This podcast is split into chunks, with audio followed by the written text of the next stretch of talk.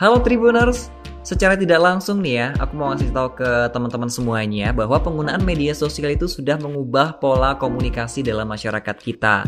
Bahkan kerap dijumpai juga Tribuners kasus-kasus gangguan mental yang disebabkan oleh media sosial.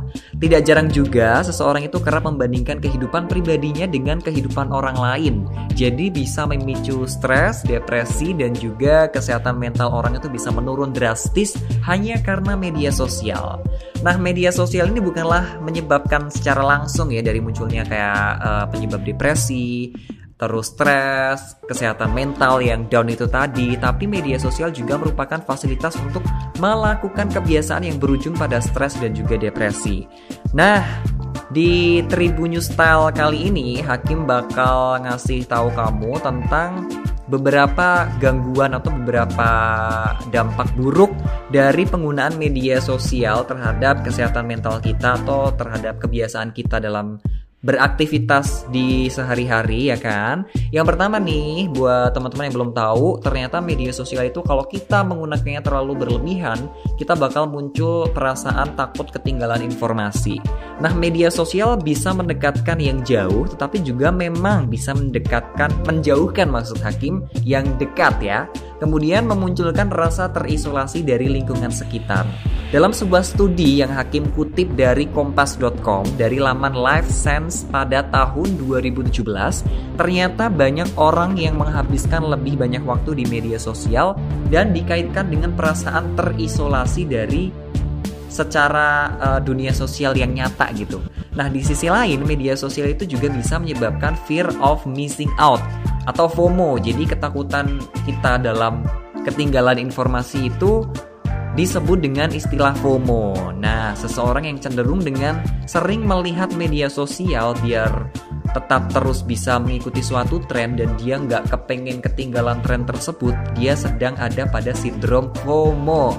Nah, kira-kira kamu kayak gitu nggak nih Tribuners? Kamu bisa sharing-sharing nih ya sama Hakim di sini di kolom komentar yang sudah tersedia di bawah. Kemudian yang kedua juga ada doom schooling.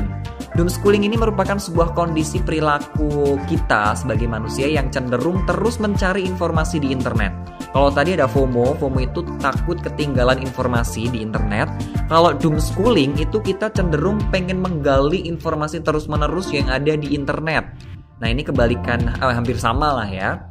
Dan perilaku tersebut masih berhubungan dengan FOMO juga nih Tribunar. Jadi sangat amat disayangkan banget kalau kebanyakan dari kita itu menggunakan sosial media dengan scrolling hanya untuk mencari informasi yang berdampak buruk pada diri kita. Misalnya kita ngelihatin uh, postingannya mantan kita yang sudah punya gandengan gitu ya kan ya. Aduh, mangsat juga ini ya kan ya. Jadi bakal nimbulin rasa depresi dan juga stres serta kecewa kalau kita benar-benar terlalu berlebihan dalam scrolling itu tadi. Terus yang ketiga itu membandingkan kehidupan di media sosial. Jadi emang media sosial itu bisa merubah sudut pandang kita terhadap kehidupan orang lain. Orang lain juga begitu, bisa terlihat sempurna dengan apa pun yang ditampilkannya di media sosial padahal nyatanya mungkin itu jauh dengan kehidupan mereka di media sosial. Padahal kita juga hanya melihat sepersekian menit atau detik aja dari 24 jamnya mereka ya Tribuners. Jadi kita nggak perlu khawatir walaupun dia uh, postingannya tuh holiday ke luar negeri, prestasinya memukau, gajinya gede, kerjanya bagus, tapi itu hanya sepersekian menit aja yang dia tampilkan di media sosial. Masih ada 24 jam yang lainnya dalam satu hari itu kegiatan dia yang tidak diekspos di media sosial. Dan ternyata ada sebuah penelitian yang menunjukkan beberapa siswa itu membandingkan diri mereka di media sosial. Selain itu mereka juga lebih mencari umpan balik yang positif dari rekan-rekannya. Masuk akal sih kalau kita posting di media sosial emang kelihatannya kita pengen dapat umpan yang baik positif dari rekan-rekan kita kayak gitu ya kan? Dan yang terakhir ada yang namanya perilaku cyberbullying. Udah gak asing banget di telinga kita yang namanya cyberbullying ya. Karena cyberbullying ini juga sering banget kita jumpai bahkan tokoh-tokoh kayak pesohor public figure juga sering mengalami hal tersebut.